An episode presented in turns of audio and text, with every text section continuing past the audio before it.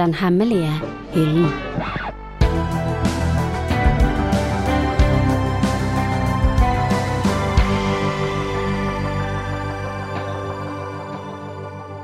Hei og hjertelig velkommen til Den hemmelige hyllen, en podkast fra Bergen offentlige bibliotek. I denne podkasten så snakker vi om bøker fra de hemmelige krikene og krokene på biblioteket, bøker vi mener burde lånes mer. Det er den perfekte podkasten å lytte til på vei til biblioteket når du trenger inspirasjon, eller hvis du vil lese noe utenfor de kommersielle topplistene. Litt skjulte skatter, kan man si. Jeg er Hanne Rømsing Sævrås, og jeg jobber på Hovedbiblioteket. Det gjør også Kjersti Eide Hatland, som er med meg i studio i dag. Og sist, men ikke minst, har vi med oss Ine Sunde Lavik, som jobber på Landås bibliotek. Så hjertelig velkommen til dere. Takk, takk. Tusen takk. Yes. Og du har med deg en bok, eh, Kjersti. Hvilken bok er det? Jeg har tatt med meg eh, Lundberg sin bok 'Jarden'. Kristian Lundberg døde tidligere i år eh, og hadde en veldig heavy livshistorie, da, som det har vært skrevet en del om. Men bøkene hans tenker jeg at det er flere som kunne virkelig hatt gleden av å lese. Jeg syns han er en fantastisk forfatter. Han er jo litt sånn Han er kjent i Sverige for at han kommer fra eh, ganske tøffe kår eh, i oppveksten, arbeiderklasse, og han var ungdomskriminell og sånt, så så fikk han jo innpass i det litterære miljøet i Sverige da, og ga ut noen eh, diktsamlinger og flere andre ting. Eh, skrev om eh, litteratur og politikk og sånt. og fikk seg liksom et navn i, i miljøet der, da og en tilhørighet og en eh, publisert, anerkjent forfatter. Og så hadde han store problemer eh, i livet sitt med både rus og psykiatri, og allerede i 50-årene så fikk han en demensdiagnose, og han døde eh, altfor ung tidligere i år. Så nå er det på tide å lese bøkene hans om igjen, eller for første gang, da, for mange.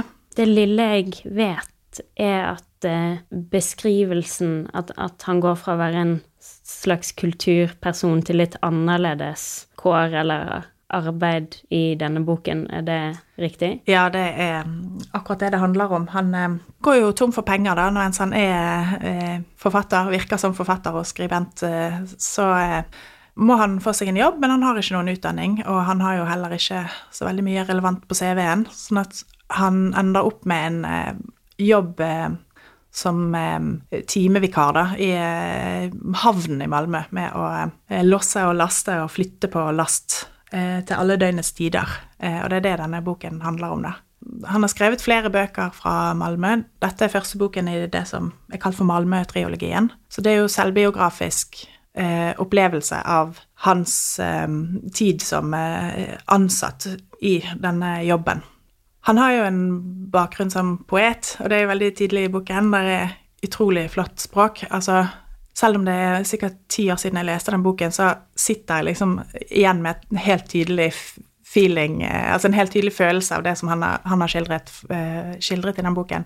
Og det er egentlig litt sånn Jeg leste et intervju med han der han uh, i flere år etter Jarden da, var veldig skuffet, for han ønsket jo egentlig å skape politisk brudulje med boken, men det var jo liksom litteraturmiljøet som omfavnet det som fantastisk litteratur. Eh, så han nådde kanskje ikke, eller vi andre snappet ikke opp og fikk fyr i den debatten med arbeidsvilkårene til de som eh, jobber i havna. Det er helt forferdelige arbeidsforhold. Altså, de skal f.eks.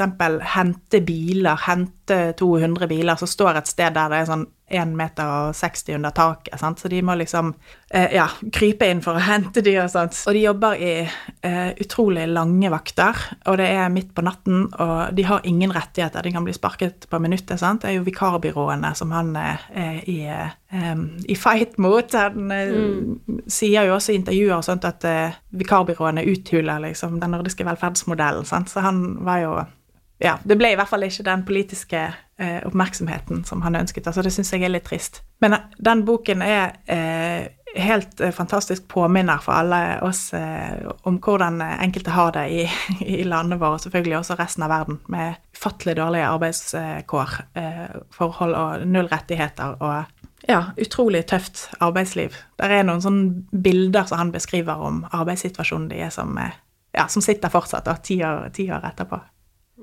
Men så ble det mer den litterære responsen, ikke, ikke den politiske. Ja, Ja. og den skal jo man ikke underslå, fordi han er jo en eh, fantastisk forfatter, sånn at eh, det, den boken lever veldig godt som eh, litteratur, altså. og jeg tror det er mange forfattere her i Bergen som eh, har omfavnet den og kjent den og, eh, og sånt, sånn at det, det er absolutt et kjempegodt stykke litteratur. Men jeg bare hadde lyst til å legge til at det er også en politisk side av saken, da. Men um, alle Christian Lundberg sine bøker er uh, de, du, Man blir veldig berørt av dem. Han, han er, skriver uh, helt fantastisk, og en del av de er selvbiografisk. Uh, og han har en veldig interessant historie å fortelle om sitt liv og om vårt samfunn, så jeg håper mange dykker ned i, i hans forfatterskap. Han har skrevet liksom poesi og krim og vanlige romaner og sånt. Så er jo dette her Malmö-livet litt sånn fascinerende. Jeg vet ikke om det er bare meg som følger med på den tynne blå linjen på NRK. sant? At det- denne serien med, med politiet i Malmö. sant? At det, Malmö har en litt sånn egen status i, eh, i Norden. Det en ganske fascinerende by. Og eh, eh, ja, miljøet der. Så det, det syns jeg òg er en sånn dimensjon med boken. da. Det liksom er litt i Malmö. Det høres ut som noe jeg vil eh, sette meg på venteliste på, i hvert fall. Jeg har ikke lest noe av forfatteren, så det virker som det er absolutt på tide. Eh, du har med deg en bok av en litt annen sort, Ine. Ja, det har jeg. Jeg har da tatt med meg egentlig hele forfatterskapet til Jan Roald Eikvoll. Jeg skal prøve å komme inn på en av romanene hans etter hvert. Men det er kanskje mange som har hørt om Leikvoll. Jeg tror ikke så mange har lest den. Han var en forfatter fra Nordhordland som døde i 2014, og da var han bare 40 år gammel. Og han var åpen om det at han levde med en hjernesvulst i store deler av livet sitt. Og jeg har tenkt at det å leve med en sånn dødsbevissthet så nært oppå seg eh, hele livet, det, det har kanskje gjort noe med bøkene hans, da, for de er veldig mørke.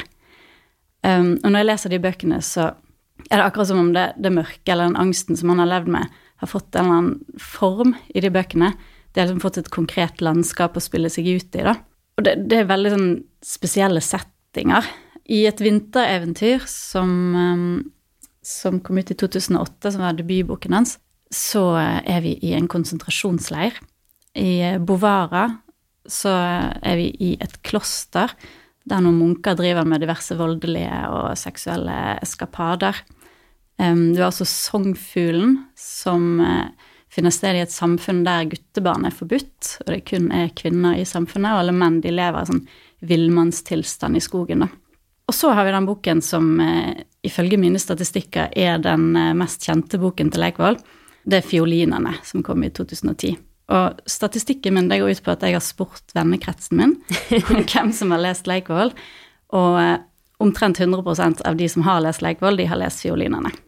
Og i 'Fiolinene' så er vi i en sånn postapokalyptisk verden.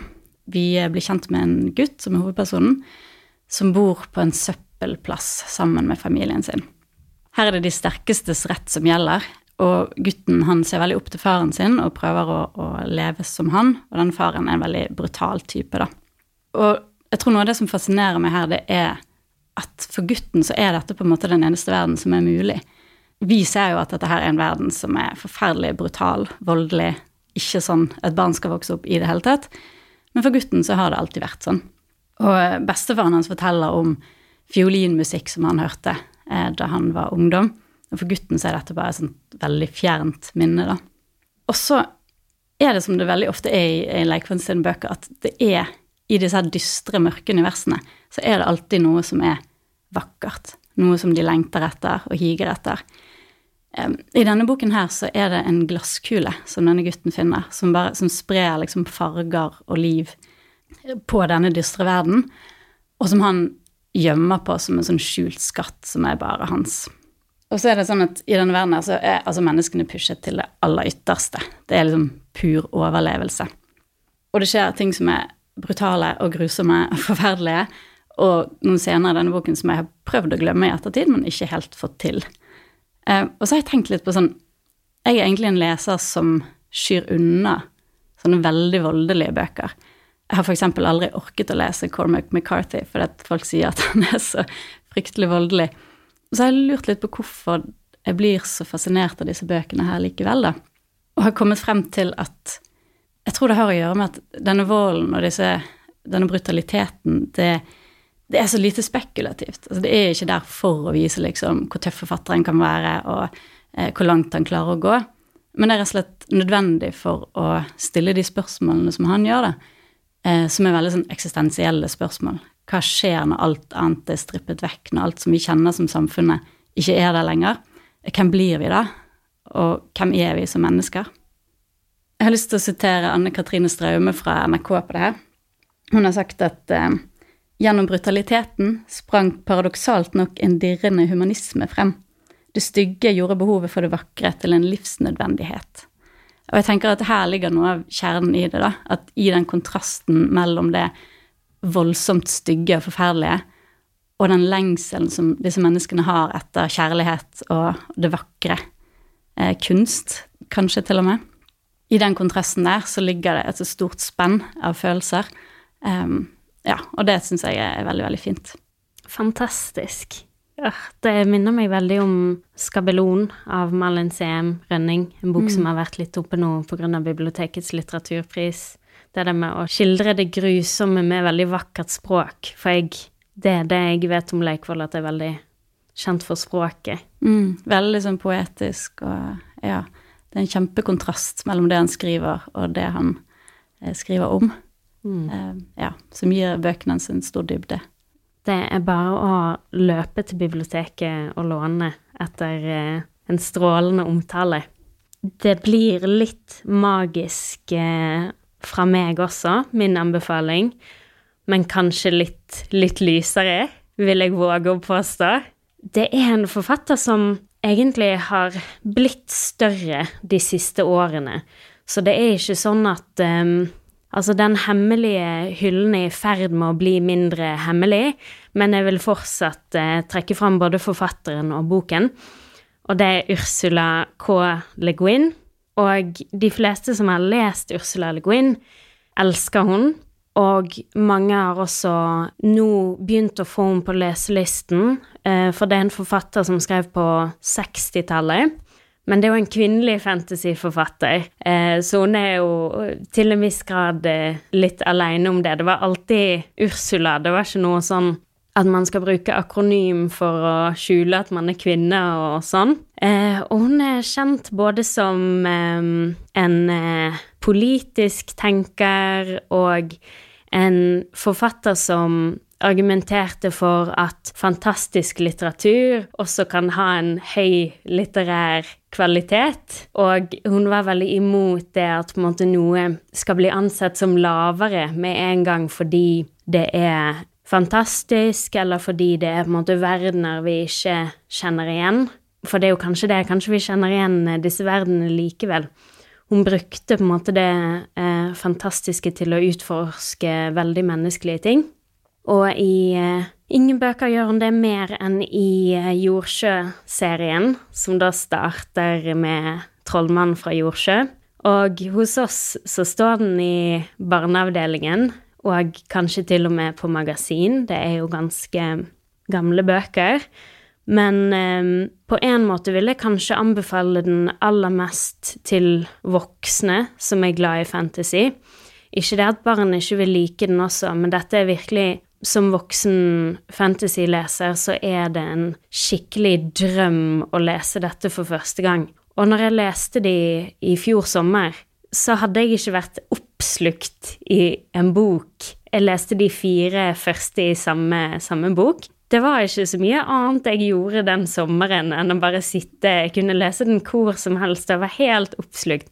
Jeg var i det universet med karakterene. Jeg så for meg hvordan Ged, hovedpersonen, så ut. Jeg var kanskje litt forelsket i han, kanskje. Eh, og det var virkelig veldig oppslukende. Og det, det er på en måte en kvalitet eh, hun har. At med språket sitt og med beskrivelsene så er man man er i Le Guin sitt univers. Og 'Trollmannen fra Jordsjø' den har inspirert Harry Potter i veldig stor grad. Det handler om en ung trollmann fra ydmyke eh, livsvilkår fra en liten øy som er jeg, jeg, mener han er foreldreløs. Han er enten foreldreløs eller eh, bortkommen og avvist, og han har masse magiske evner.